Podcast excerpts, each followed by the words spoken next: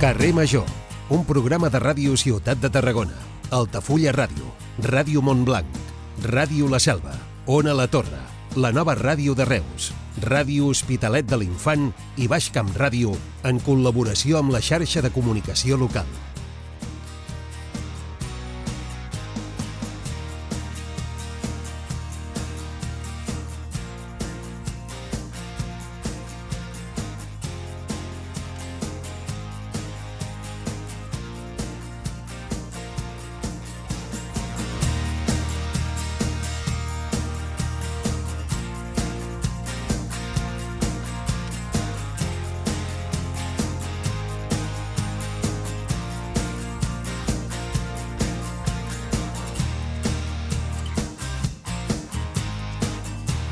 Hola, bona tarda, benvinguts a tothom. Això és Carrer Major, el programa que fem 8 emissores del Camp de Tarragona. Avui comencem analitzant dades de sinistralitat viària. Les motos estan involucrades en el 44% dels accidents de trànsit amb víctimes mortals i ferits greus de Catalunya, malgrat que representen un 2,3% de la mobilitat. En el cas dels accidents mortals, les, mosso, les motos participen en el 30% del total de sinistres. Són dades que figuren en l'estudi Eurorap que ha fet el RAC analitzant les dades de sinistralitat entre 2020 i 2022. En aquest trieni, els accidents greus i mortals han disminuït en conjunt un 7%, mentre que la mobilitat global ha augmentat una mica. Per demarcacions, Lleida és la que té el percentatge de quilòmetres amb risc alt o molt alt de tenir un incendi amb un accident greu, eh, un risc que arribaria al 28%. Girona i Tarragona són les que tenen els percentatges més baixos, del 21%. I entre les carreteres més perilloses, segons aquest estudi del RAC, hi ha una local del nostre territori, la TP eh, 7225, que va de Reus al Morell. Aquesta és una de les notícies eh, de la jornada. També en matèria política, la portaveu d'Esquerra Republicana, la ballenca Raquel Sanz, ha retret al Partit dels Socialistes que posi com a gran requisit desencallar el projecte recreatiu que Hard Rock vol instal·lar al Tarragonès a canvi de negociar els pressupostos de l'any 2024. Eh, Sanz lamenta que els socialistes obvien, en canvi, inversions en educació i salut. I, de fet, avui, sobre aquestes dues qüestions, sobre educació i salut, també en tenim coses destacades. D'una banda, la consellera d'Educació, Anna Simó, que ha promès canvis estructurals en el sistema educatiu i ha demanat als grups parlamentaris que la cimera que es farà demà dimarts, arran dels resultats tan dolents que van sortir dies enrere de les proves PISA, doncs espera ella que aquesta cimera no sigui l'enèsima reunió sense resultats. I en matèria sanitària, doncs avui el departament ha anunciat que l'any vinent es desplegarà un nou model d'atenció pediàtrica basat en 79 equips eh, formats per pediatres, infermers especialitzats en aquest àmbit, a més d'especialistes en atenció a infants adolescents. 79 equips que es repartiran entre els centres d'atenció primària de tot Catalunya de tal manera que es vol garantir que per anar a rebre aquesta atenció pediàtrica no calguin desplaçaments de més de mitja hora.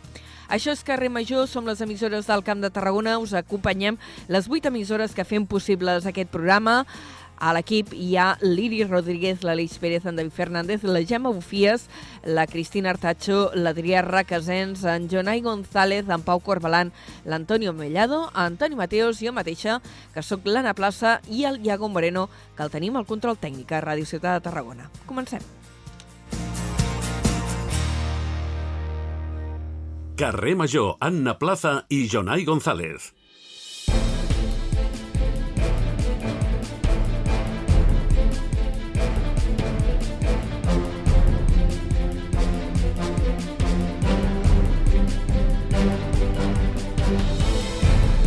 Quatre i set minuts, moment de repassar en forma de titulars aquestes notícies, les més destacades del dia al Camp de Tarragona. Ho fem amb en Jonai González. Jonai, bona tarda. Molt bona tarda.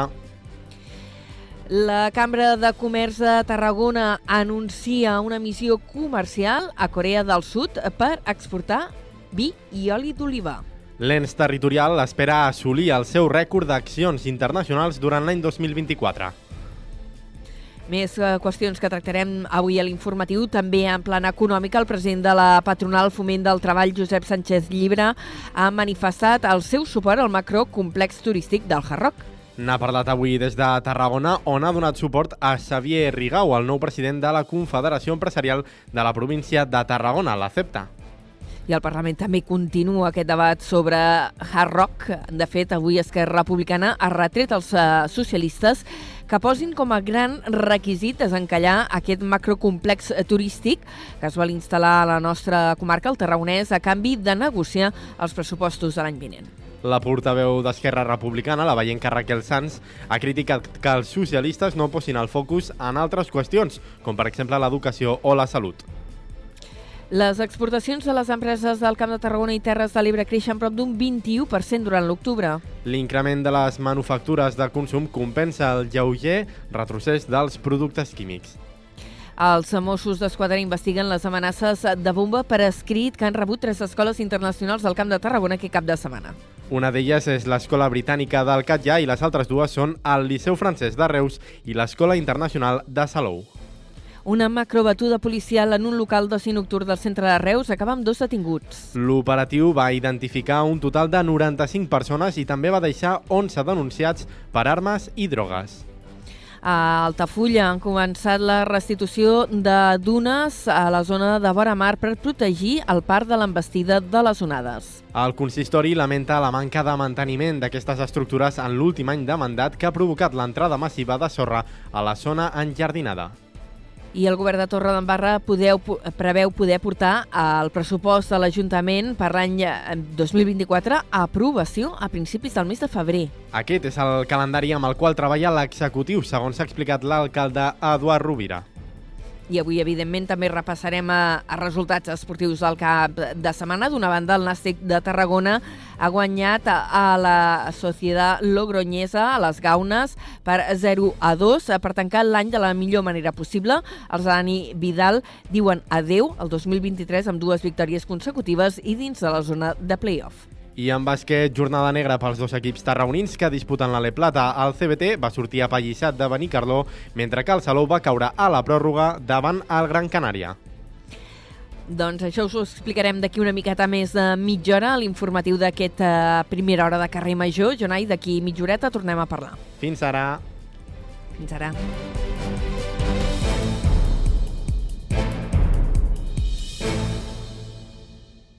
Carrer Major Toni Mateos.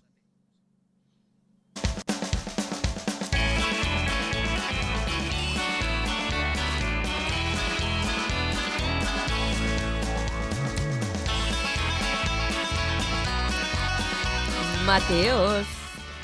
Plaça. Què? Què? Com estàs? Bé, bueno, anar fent, anar fent. Sí. El cap de setmana bé? Sí? Sí, Sí, sí. Bueno, sempre hi ha coses millorables, però bé, bé, bé. Sempre, bé. sempre. Sempre, sempre. Em vaig posar a plorar fent el poema de Nadal, Toni Mateos. Ai, En sèrio, eh? Em vaig posar a plorar com una bleda assolellada enmig de l'escenari. De però vas és que és- continuar. Com una era el final del meu trosset, sí, sí, el vaig acabar, però com una madalena, és que és tan bonic, és tan emocionant. Aquí Mira, la selva el. El, n- Nus el a la volar. Aquí la selva el feia fa molts anys el Ho sé. Xavier Pier, el saxofonista. Sí, també ens havia acompanyat a nosaltres.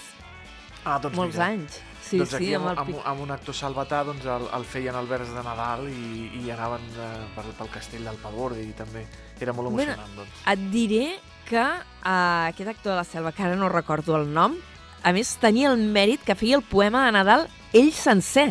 Vull dir, és un poema... eh, Sí, sí, és un poema, poca broma, és un poemet, no. Són 50 minuts, Eh, saps? es Vull dir, és un monòleg, però amb totes les de la lletra. Jo feia un dels cants, té quatre cants, jo en feia un, plorant, com una madalena. Tots El els Josep altres Maria companys... Puig, ara m'ha vingut. Ah, Josep això Maria sí, Puig. senyor, Josep Ai, Maria ai, Puig. ai. Sí, El sí, Josep Maria sí, sí. Puig, el- L'actor salvatà, sí, sí. doncs ell, ell el feia, el, el fa de memòria, el fa de El memòria. fa, el fa. El fa de memòria eh, i, i bé, recordo que el Josep Maria Puig durant, la, durant la, el Covid, durant el, el tancament, ens regalava cada dia un poema Ah, sí, és als salvatans i les salvatanes els penjava a YouTube i també el penjaven per aquí per, per Canal Camp, eh, doncs penjaven el, el poema que ens feia cada dia el Josep Maria Puig. Parlant de Canal Camp, estem de... Què? Enhorabona, estem de celebració. Home, i tant, no? Jefe, Molt bé. el jefe, trajectòria, premi a la trajectòria, tu. Antonio Mellado, eh? És el jefe? Antonio Mellado Cardoner, sí, sí. Antonio Mellado Cardoner, amb el qual parlarem després als Tonis. Li, avui li farem una enganyifa. Li, li fareu, vale, un petit homenatge. Eh, sí. Amb ell, mira, i una altra, i una altra persona que, mm, propera que també l'hem entrevistat o l'hem tingut per aquí alguna vegada, l'Anna Fortuny, eh? també. L'Anna Fortuny, també, guanyadora del I Premi l'Adri Zaeco. Tella, em sembla que alguna cosa ha rascat també. I, bueno, i, i l'Andreu Rauet, que és salvatà, doncs eh, sí, sí, van guanyar Festival. el premi, el premi de, de, del Joan Marc Salvat, el primer premi. Mhm. Bé, gent del Es- territori. Gent del territori, Fantàstica. periodistes que creixen i que fan coses interessants. Uh, D'alguna cosa en parlareu a segona hora. Uh, sentirem també crònica a l'informatiu, si arribem a temps. I Mhm. Toni Mateos, tu a partir de les 5 què faràs? Mira, tindrem a l'Òscar Escudero, és un... ell se defineix com postcompositor, amb Ai, una Dios. obra que es diu Variacions sobre una obra de Robert Gerard. Vale. És a dir, Parlarem amb ell. tindrem música contemporània sobre música contemporània. Correcte. I a més a Recte. més, eh, ell, ell fa servir eh, vídeos i, i electrònica. Fantàstic. Ai, que guai. M -m no sé, a mi aquestes coses m'agraden molt. Segur que és I tant, i superinteressant. tant sí. Amb la Maribel Martínez, la veterinària de Coselva, en la nostra secció cada 15 dies, avui ens parlarà que una mascota no és un regal de Nadal, no és una joguina. No, no, no. Que cauran moltes joguines i molts regals i cuidado amb regalar mascotes que no és, com hem dit, una joguina, és una responsabilitat. Els Tonis, ara que no ens escolta, li farem una enganyifa a l'Antonio, li farem entrar aquí pam pam, Que bonic. eh, pensant que tal, però li farem un petit homenatge. Banda Sí? sonora del Camp de Tarragona i la furgoneta avui alerta perquè la Cristina Què? Artacho se'n va veure el Jordi Gallent, que és un aficionat a trencar closques i és el guanyador del cinquè premi en un concurs internacional de disseny de trencar closques. Alerta Tremendo. amb això. Ah, tremendo. Tremendo. I, i, I tu saps qui tinc jo ara d'aquí no res? Home, a la grandíssima Ola Chirinacs. Sí, em fa una mica de respecte, eh? Vull Sí? dir, entrevistar algú que té tanta trajectòria i que en sap tant. Es- Estic, Entrevistar a Mira. una doctora honoris causa, tu. Amb una doc... Mai havia entrevistat a una doctora. Estic nerviosa com un flam, però bueno, ara parlarem amb ella. No, home, no, que, que segur que et sortirà molt bé, ja veuràs. I la, la, la, la senyora Chirinacs, bueno, què dir, bueno, ja, ja veuràs. Fantàstic. Ara parlarem amb ella. Toni, fins després. Tu agafes el després, relleu Anna. a les 5. Adeu. Adéu, adéu. Carrer Major, el primer programa del Camp de Tarragona.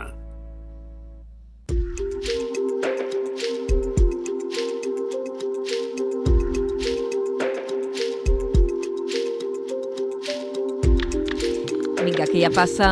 Amb el Toni ens enrotllem sempre moltíssim, no pot ser això. Uh, passa un minut a un quart de cinc de la tarda i avui, ara ho deia amb ell, una entrevista d'aquelles que em fa molt de goig i al mateix temps em fa respecte, perquè és algú amb moltíssima trajectòria, eh, molt respectada en el món literari i és l'Olga Xirinacs. L'entrevistem perquè fa no res, encara no dues setmanes, la van investir doctora honoris causa per la Universitat Rovira i Virgília i hem aprofitat aquesta avinentesa.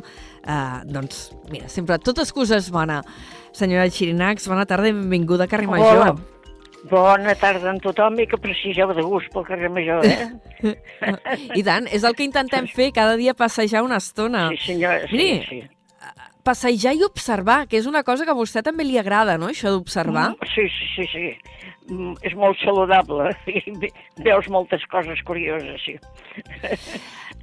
I la gent Um. coneguda i la gent per conèixer també, perquè a vegades aquí també, que som una ciutat marítima, d'estrangers per observar també va tenir moltíssims. Sí, Es, uh, ara dèiem, fa un parell de setmanes li va arribar aquí el reconeixement al doctor honoris causa uh, per la Universitat Rovira i Virgili. Què va suposar per vostè aquest uh, moment? Jo m'he estat mirant un tros de, del seu Parlament i, vaig, i he detectat molta emoció.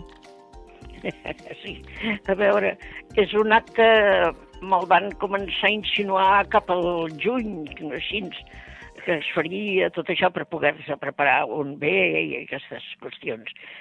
I aleshores, cosa, cosa que fa respecte, tu et dius que et feia respecte a la trajectòria, però a mi imagina't tots els doctors allí, saps, bueno, eh, si ho has mirat una mica, cada un va amb les seves capes de colors, segons les facultats, eh?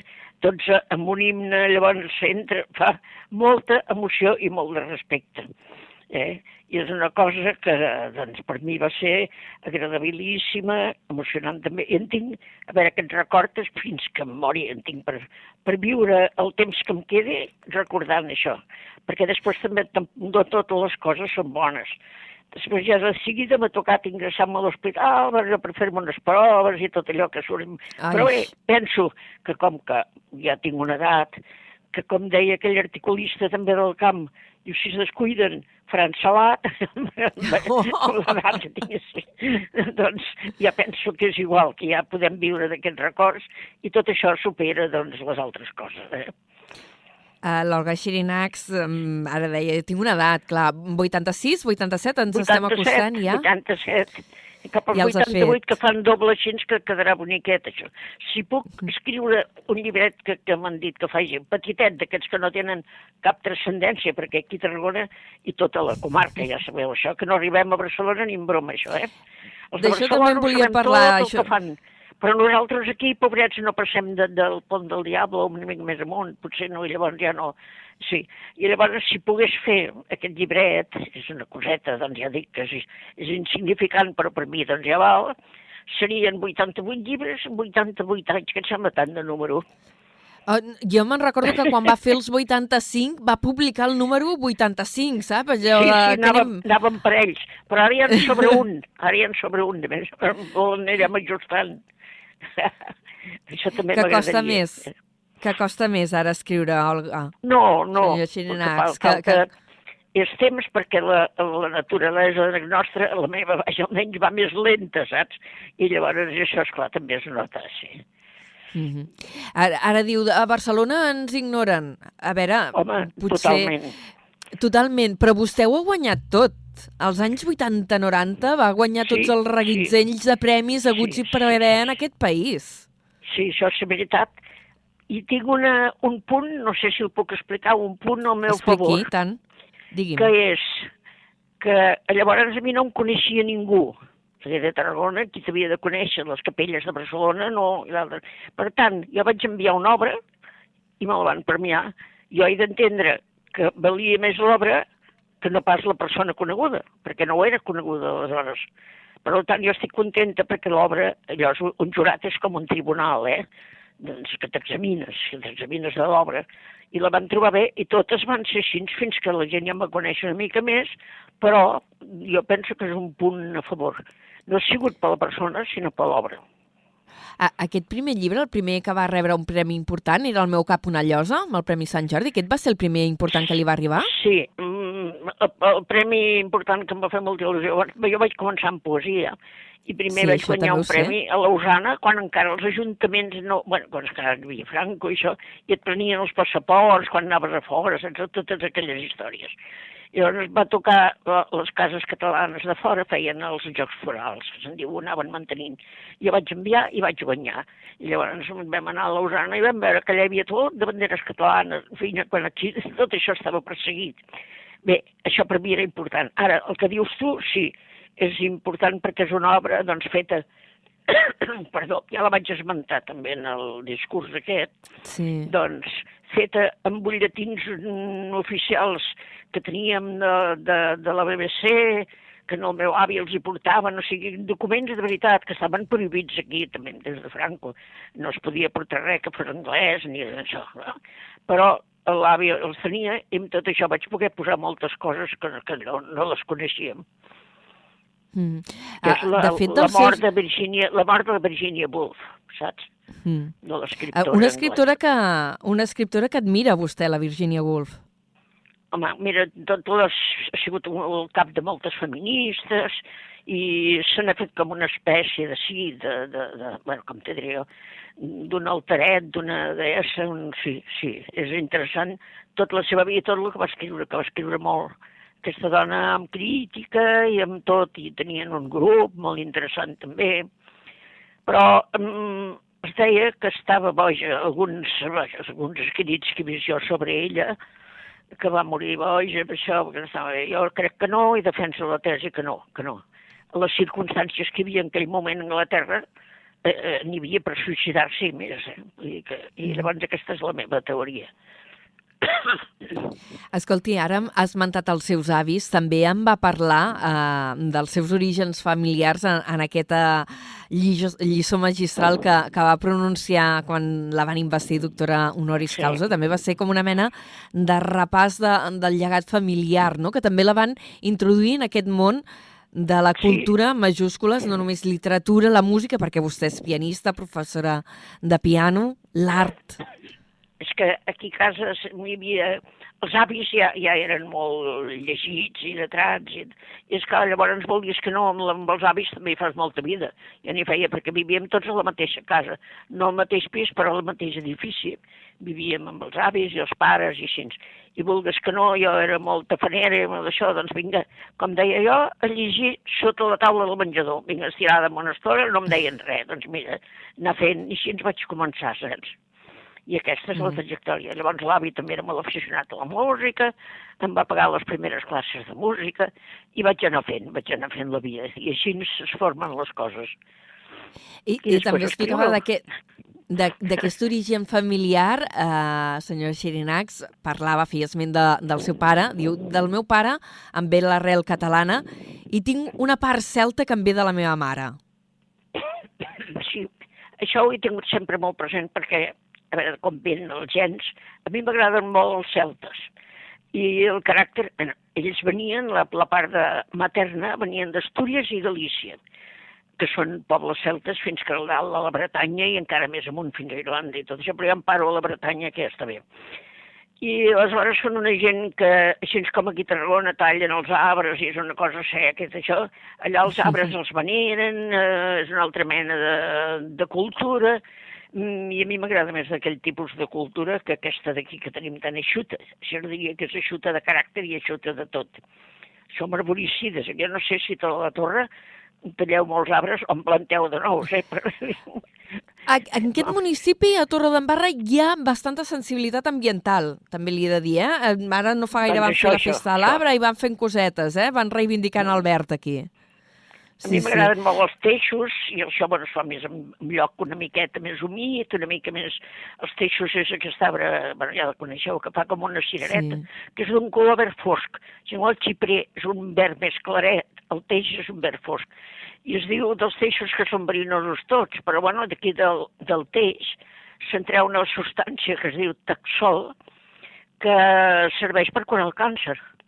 I aleshores això s'ha de tenir en compte i també es diu moltes llegendes que són guardians dels morts perquè els planten a la vora dels rius per purificar l'aigua a la vora de les ermites perquè diu que es fiquen les arrels a la boca dels morts. Hi ha molta llegenda amb aquests arbres i a mi m'agrada, tot això m'agrada molt.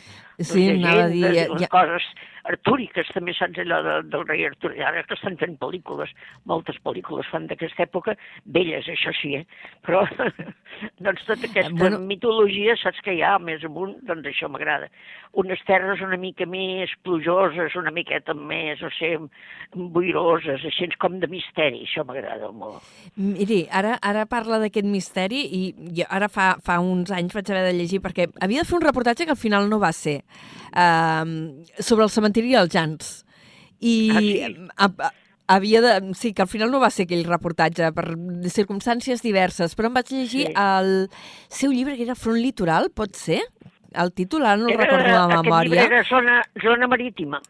Aquest, Zona Marítima. I recordo va guanyar el precisament... Premi Ramon Llull, aquest llibre, sí. Doncs me'n recordo molt precisament d'aquest ambient també com a boirós, no? Retratava una Tarragona amb una mena de Bueno, bruma perquè- que... Perquè fa sortir el que tot agrada, més aviat, sí. Sí, Això sí. és el, el tema. Però és curiós perquè ara no s'hi pot entrar, abans sí que, es, que ens van No. deixar les claus i vam poder entrar.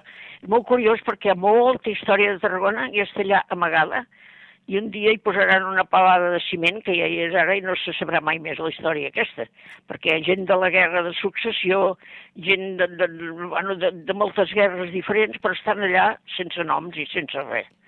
Després, Però, clar, també hi havia anglesos que vivien aquí a Tarragona, aquests sí, ja estan numerats, mariners que, que, que venien amb vaixells estrangers i també estan allà posats, aquests sí. Però la majoria Mm. d'aquests de la història que han estat portats d'un lloc a l'altre, així repelades, allò està allà tancat i no se sap. Hi ha molta petjada de Tarragona a la seva obra, també, oi? Mira, suposo que deu ser consubstancial, això, perquè ja he nascut aquí en aquesta casa, he nascut, ja hi eren els meus avis, aquí davant del mar, el número 1 de la Rambla, i, i ja també el gen el dec portar així, també una miqueta, això que dèiem, eh, del mar. I vulgues que no, doncs això t'entren a les sangs i va sortint també, eh? perquè a més hi ha temes, mm, a mi m'agrada molt el misteri, i aquest tenen un esquelet, no sé si això un esquelet viu que va sortint a les nits. N'hi ha més d'un, eh, que surten. I llavors Ah. han de sortir, per exemple, tu estàs dormint i el teu esquelet surt mm, molt així suaument perquè no et despertis i se'n va tombar, per exemple, per, la, per allà pel cementiri romà, per la catedral, a buscar altres esquelets i això, i llavors a la matinada torna també suaument perquè el cos no noti que ha sortit, ha anat a passejar.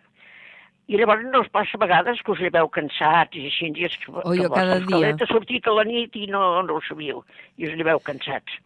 I això m'agrada molt anar per allà dalt de la catedral, que n'hi ha d'altres, prenen el seu gotet de xartrés i, i després se n'en tornen cap a casa. Estem conversant amb l'Olga Xirinacs, eh, recentment investida doctora honoris causa, que ha conreat tots els gèneres, eh, poesia, conte, novel·la... Ha fet còmic? Que això jo no sabia que havia fet còmic. Com, I I, jo tampoc, i artic- sembla que no ho sé, això.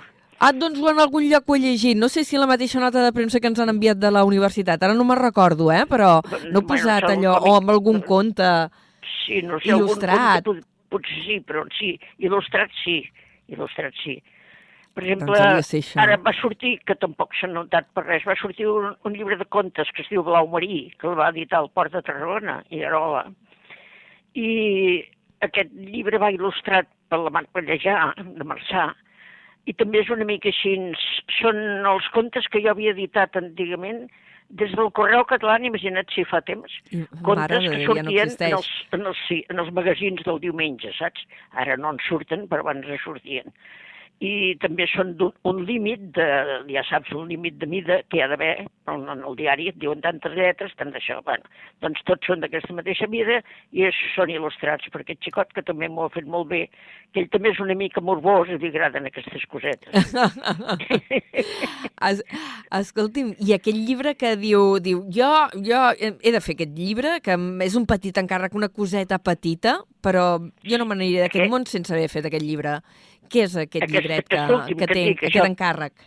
serà, no encàrrec, no, no, que és- serà això últim, que, bueno, no sé si serà l'últim, això no es pot dir Home, mai. jo espero però, que no, però ens acostem, no?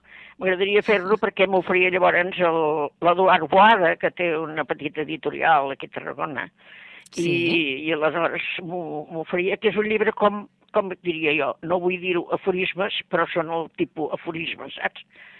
I es diu estats, estats de vida, com coses que has anat observant i les vas apuntant. Esclar, aquestes coses així no surten perquè els títols ja no són com, per exemple, aquest títol cridaner que ha sortit ara, que es diu Calces al sol. Si fas un títol així, ja segur que surt a fora i tal. Però no l'he vist anunciat, aquest sí, no l'he vist. no, aquest no l'havia Un llibre vist. que ha sortit sor- ara últimament, ja l'he vist anunciat, no sé de qui és, eh, perquè fa, fa poc.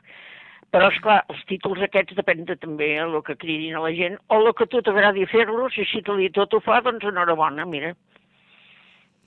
Uh, senyora Xirinacs, ho haurem de deixar aquí. Ha estat un plaer tenir-la avui al programa.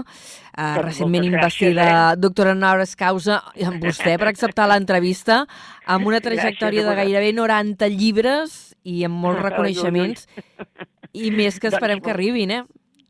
Sí, sí, sí, molt bé, doncs moltes gràcies i els oients que us vagi tot bé, el Nadal ben bonic, eh, ben feliç per tots. D'acord. Moltíssimes gràcies, senyora Xirinacs. Gràcies Un a plaer. vosaltres. Adéu-siau. Adéu. Adéu.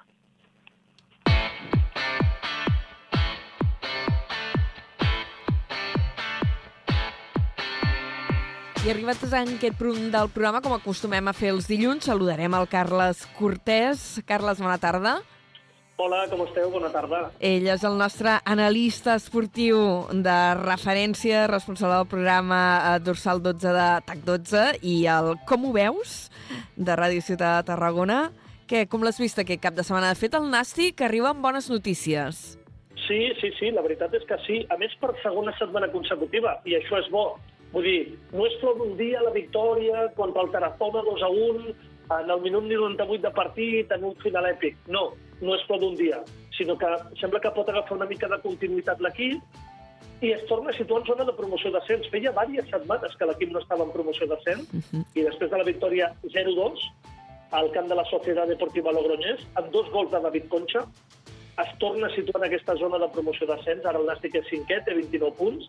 Està 6 del líder, que és el Celta Fortuna, el filial del Celta de primera divisió, i la veritat és que se'n va a les vacances de Nadal, perquè ara l'equip descansa fins al dia 3 de gener, en un bon moment de forma. No el millor, perquè recordem que a principis de temporada l'equip vam quedar aquelles 6-7 jornades sense conèixer la derrota, però sí que acaba aquest 2023 de la millor manera i somiant, que això és el més important. Està viu en el somni de poder jugar com a mínim la promoció de centre segona. Uh, ara que uh, esmentaves aquest uh, jugador que, que va marcar els gols, em sembla que era el diari de Tarragona que he llegit un titular allò que parlava gairebé d'idili. Sí, perquè, a més a més, aquest és un jugador amb molta classe. Va jugar a primera divisió amb la Real Societat, ha tingut altibaixos a la seva carrera esportiva i arribava a Tarragona amb el dubte del seu rendiment, perquè ell havia anunciat la seva retirada.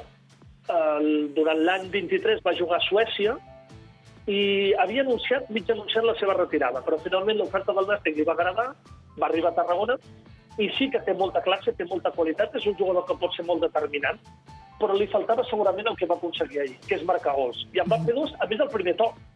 El primer des de la frontal de l'àrea amb un xut, una pilota que li va caure a la frontal de l'àrea, camp esquerre, primer toc, i va marcar gol, i el segon també amb una vaselina al primer toc. O sigui que té una cama esquerra que és una delícia, no li havíem acabat de veure en la faceta golejadora, i ara ja ha ensenyat també que sap marcar gols. Eh, tot això dona una mica de tranquil·litat, no?, al Nàstic després d'aquelles setmanes així amb, amb resultats o negatius o d'empat absoluta tranquil·litat, necessària tranquil·litat. Sí, sí, estic completament d'acord, Anna. Guanyar sempre porta tranquil·litat, ja no només a l'equip o al cos tècnic, sinó també a l'entorn, als aficionats, o en aquest cas al Consell d'Administració, que és qui havia anunciat un ultimàtum la setmana passada. Això sembla que queda aparcat, veurem com arrenca el 2024, però tot això ara queda aparcat, a falta de que torni a jugar una altra vegada, com dèiem, dimecres 3 de gener, el Nàstic jugaran dimecres al nou estadi a Tarragona contra el Cornellà, en la represa de la competició ja el 2024. Uh, doncs dos setmanetes uh, de vacances pel Nàstic, que, per cert, mira, aprofito dir-ho, que a Carrer Major també farem dos setmanetes de, de vacances ara per Nadal. Xic, perquè Molt en aquestes bé. dates es paralitza tot. I... A, a, després et faré un matís. Esportivament, gairebé tot. Gairebé tot. Un matís només. Val, sí, sí, sí, doncs després em fas el matís. Jo parlava en general a la vida, eh? Fer un programa de ràdio en època de vacances és francament complicat. Per això fem sí. aquesta petita parada. Um, escolta, el Nàstic s'han quedat més tranquils, però no estan gens tranquils. Jo crec que es deuen estar estirant dels pèls. És el CBT. Sí, sí, sí, una altra derrota. Deixa'm matisar que tercera federació, perquè Ai, sí, és veritat. el futbol, va haver-hi, eh, com hi havia un derbi, uns surten contents i els altres surten tristos. Hi havia un repitenc a Reus i va guanyar la repitenca 3 a 2. Oh, què per estàs... tant, una mica d'aire. Mira, amb això no m'hi havia... Aquest resultat no l'havia buscat, no, no, no el sabia. O sigui, m'acabes de donar tu la notícia.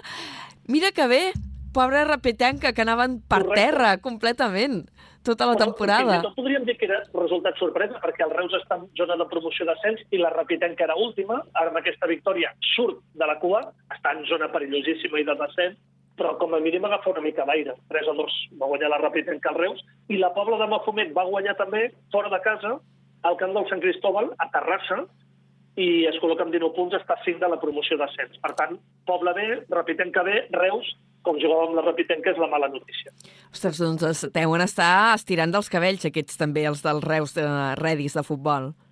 Eh, el que passa és que aquestes, aquestes categories, fixa't, ho diem en totes les categories, però en aquestes s'accentua molt més. A primera no tant, eh? segurament els de dalt són molt més favorits quan juguen amb els de baix, però en aquestes categories, Pot passar de tot. federació, tercera federació, eh, un equip de la zona de descens pot guanyar perfectament a un equip de la zona de descens i s'ha tornat a demostrar. Mm -hmm. Val, doncs ara anem si el bàsquet fet Ara sí. aquest, ha fet Ara aquest drama, apunt. el drama. El drama, el drama del CBT. Què passa, pobres? El drama del CBT i del Salou aquest Sí? cap de setmana. Ja ho he vist que Sí, també havien perquè- perdut. Clar, dèiem el Salou està fent un bon inici de temporada, ens està agradant molt, ho està fent molt bé, ha perdut aquest cap de setmana, més ha perdut a casa contra el Gran Canària B, el filial del Gran Canària que juga a l'ACB, 78 a 82. Tot i això, el Salou de Jesús Muñiz continua a la zona alta. Amb 8 victòries, 4 derrotes, és quart, està tranquil. El drama és el del Club Bàsquet Tarragona, perquè va tornar a perdre a Benicarló, el País Valencià 87 a 63. Continua enfotsadíssim a la cua de la classificació, només dues victòries i 10 derrotes, i veurem si el 2023 es tanca de la millor manera. Aquí hi ha el matís, eh, per ser Anna. Eh, Per això, que encara tindran partit ells, no? Que vam dir que es Dos. menja... Dos. Que, eh, sí, ho vam dir, que es menjarien els torrons al camp. Correcte, a la pista, perquè juguen aquest dimecres, tant Club Bàsquet Tarragona com Salou, el Club Bàsquet Tarragona a casa contra el Godella i el Salou a les Illes Balears contra el Sant Antoni, i juguen dissabte 30 els dos equips, una altra vegada. Per tant, no acaben el 2023, era el matís que et volia fer en allò de les vacances nadalenques esportives.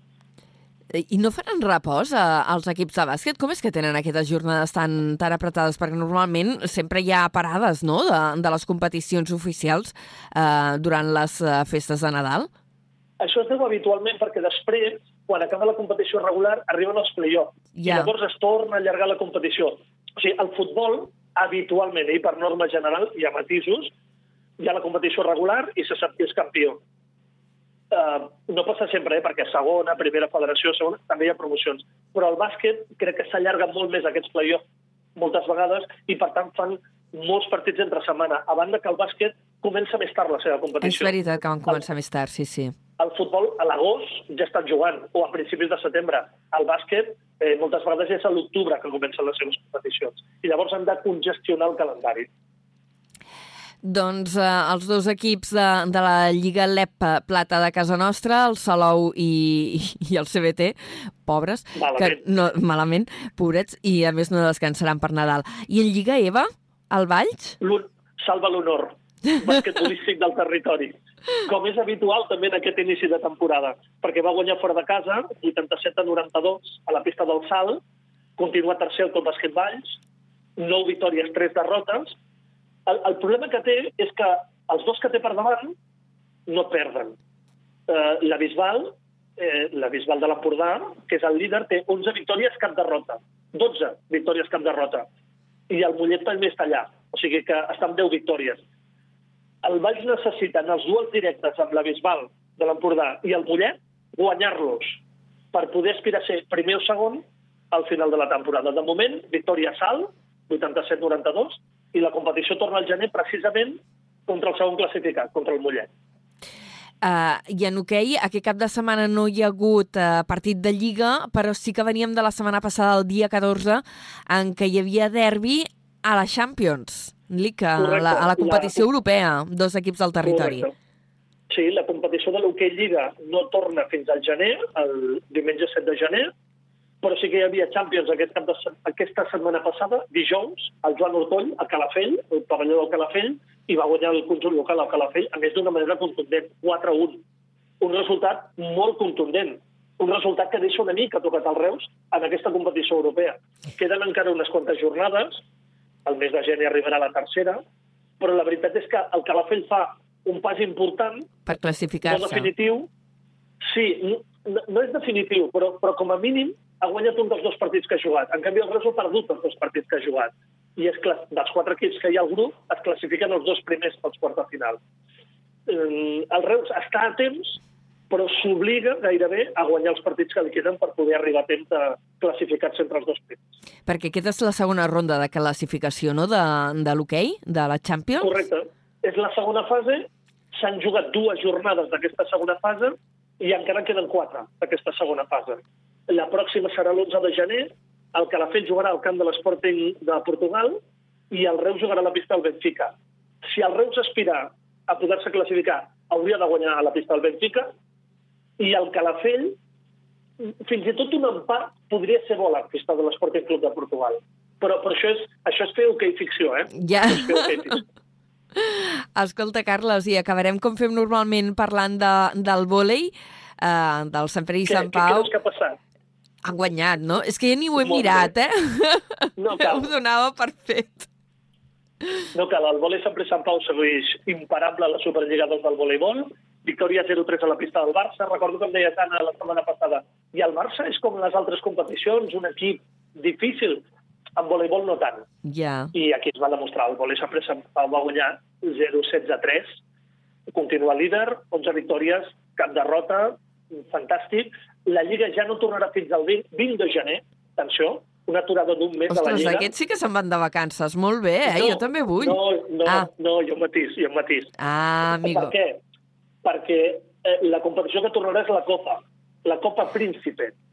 I jugarà el vòlei Sant Sant Pau aquesta Copa Príncipe entre el 12 i el 14 de gener a Santander, a un poblet de Santander que es diu Cabezón de la Sal. Uh -huh. Ai, quin nom.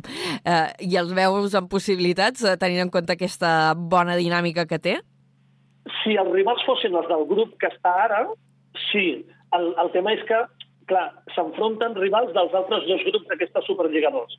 La Superliga 2, que és la segona categoria del voleibol estatal, Sí. té tres grups. El Sant Pau domina un dels grups. Clar, i jugarà contra equips que estan com ell.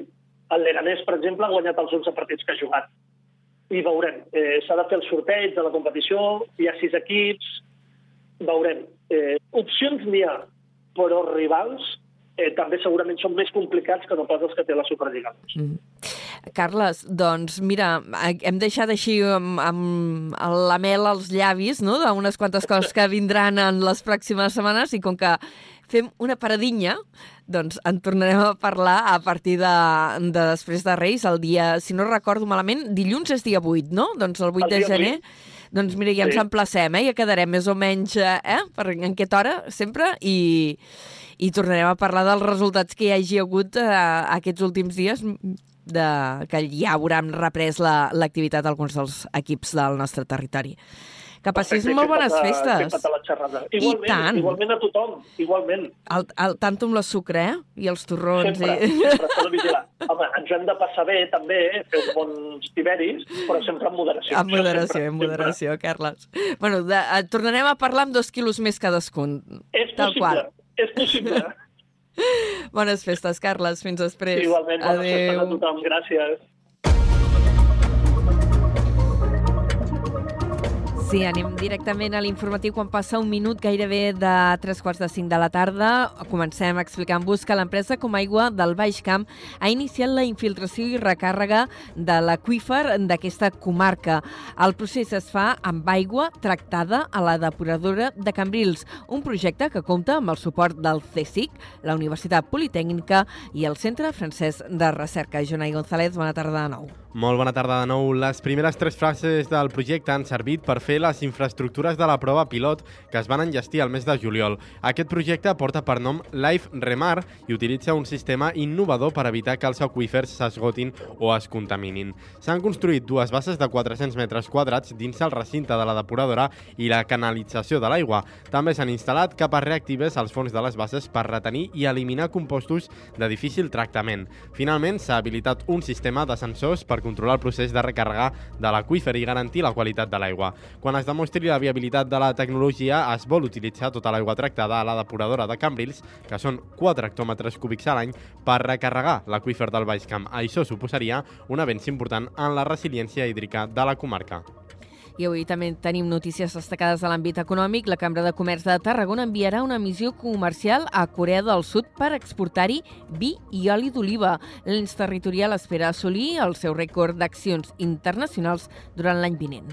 La idea va sorgir arran d'una visita de representants asiàtics a la ciutat de Tarragona fa unes setmanes. La presidenta de la cambra, Laura Ruiger, explicava aquest dilluns que els empresaris coreans van quedar especialment satisfets amb molts productes locals i que hi ha opcions de negoci. La presidenta també explica la missió comercial que faran a aquest país.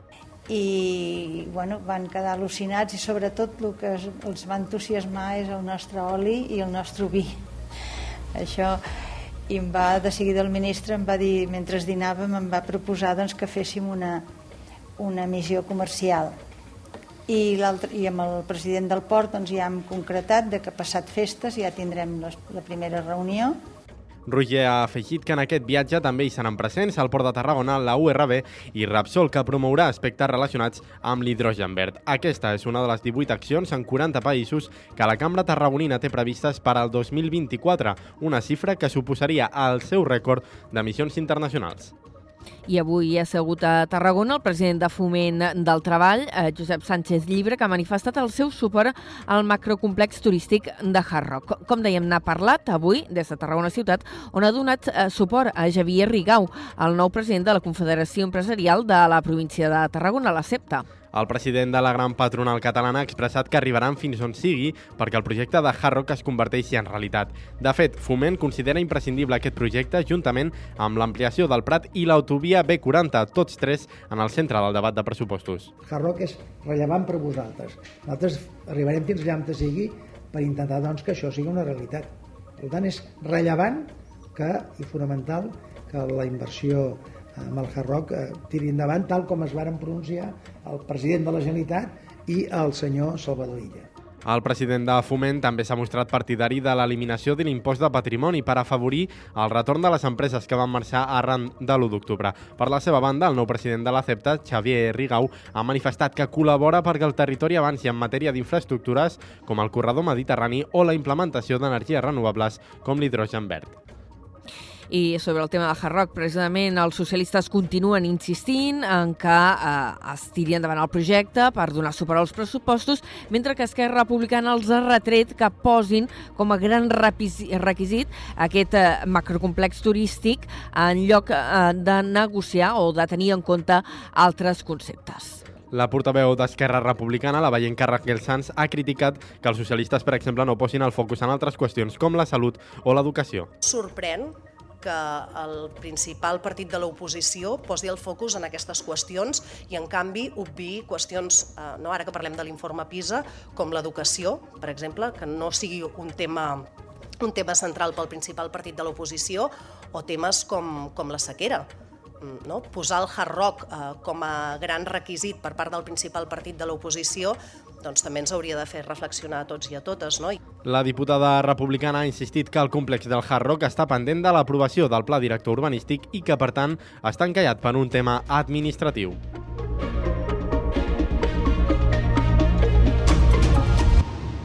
10 minuts i seran les 5 de la tarda. Protecció Civil ha començat a distribuir més de 145.000 imants en consells d'autoprotecció als municipis amb risc químic més alt. El material consta d'una carta amb un imant i un eh, fulletó informatiu que s'enviarà directament als domicilis dels municipis situats a les zones d'intervenció i d'alerta. Aquests municipis que preveu el Pla Secta són, per exemple, Reus, Salou, Vilaseca, la Canonja o la Pobla de Mafumet, entre d'altres. Els imants duen el missatge de l'efecte bombolla, el principal lema de la campanya que explica que el confinament és la millor mesura d'autoprotecció. La seva distribució ha costat al voltant de 65.000 euros.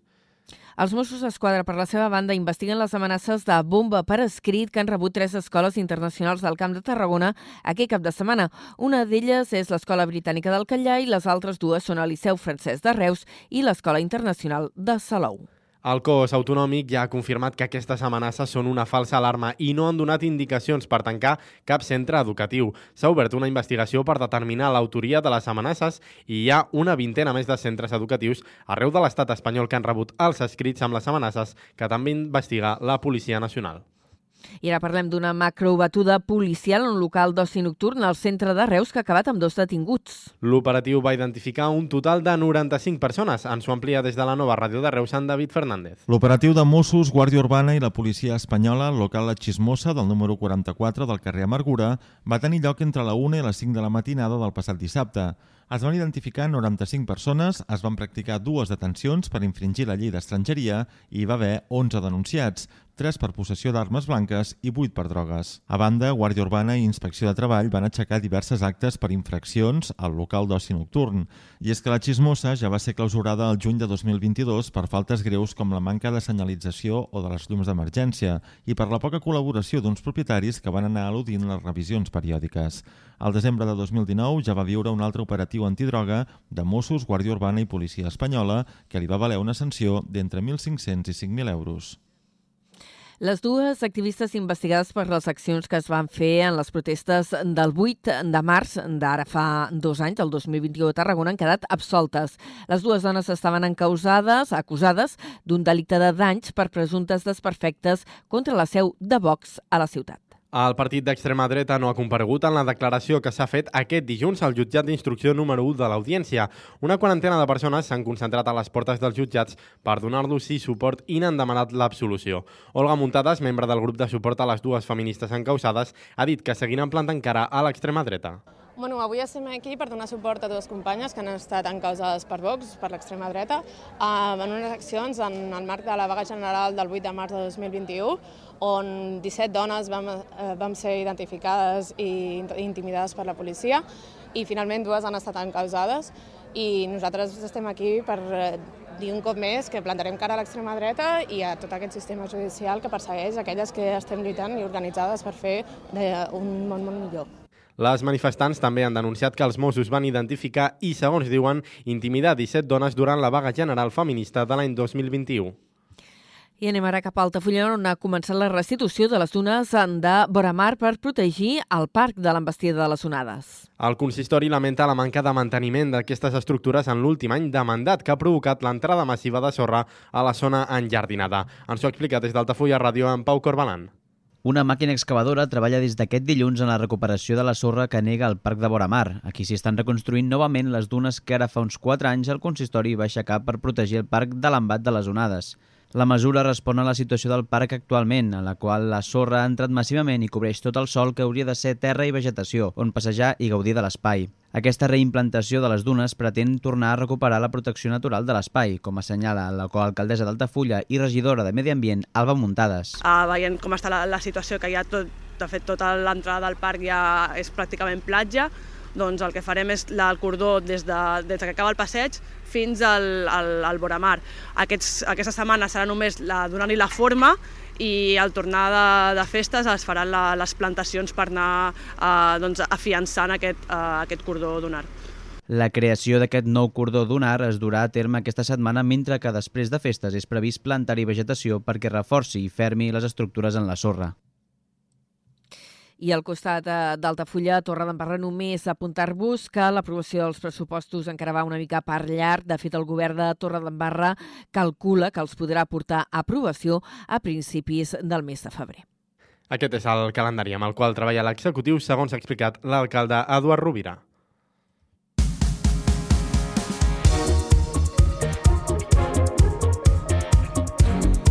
I en esports eh, repassem breument els resultats del cap de setmana, protagonitzats en part pel Nàstic de Tarragona, que ha aconseguit guanyar el Logroñés a, fora de casa, a l'estadi de les Gaunes, per 0 a 2, i tanquen d'aquesta manera l'any de la millor manera mm, possible. Els de Dani Vidal diuen adeu al 2023 amb dues victòries consecutives. A més, després dels resultats de la jornada, l'equip se situa en zona de play-off i dormirà aquí, en aquestes places, fins l'inici del 2024. I en bàsquet, jornada negra pels dos equips tarragonins que juguen a l'Alep Plata. El CBT i el Salou han perdut tots dos els seus enfrontaments. Els saluencs van caure a la pròrroga per 78 a 82 davant el Gran Canària després de perdre una renda de 14 punts que tenien a l'inici del darrer quart. D'altra banda, el CBT es complica la permanència amb una derrota davant el tercer classificat, el Benicarló, per 87 a 63, que va dominar la segona meitat del partit.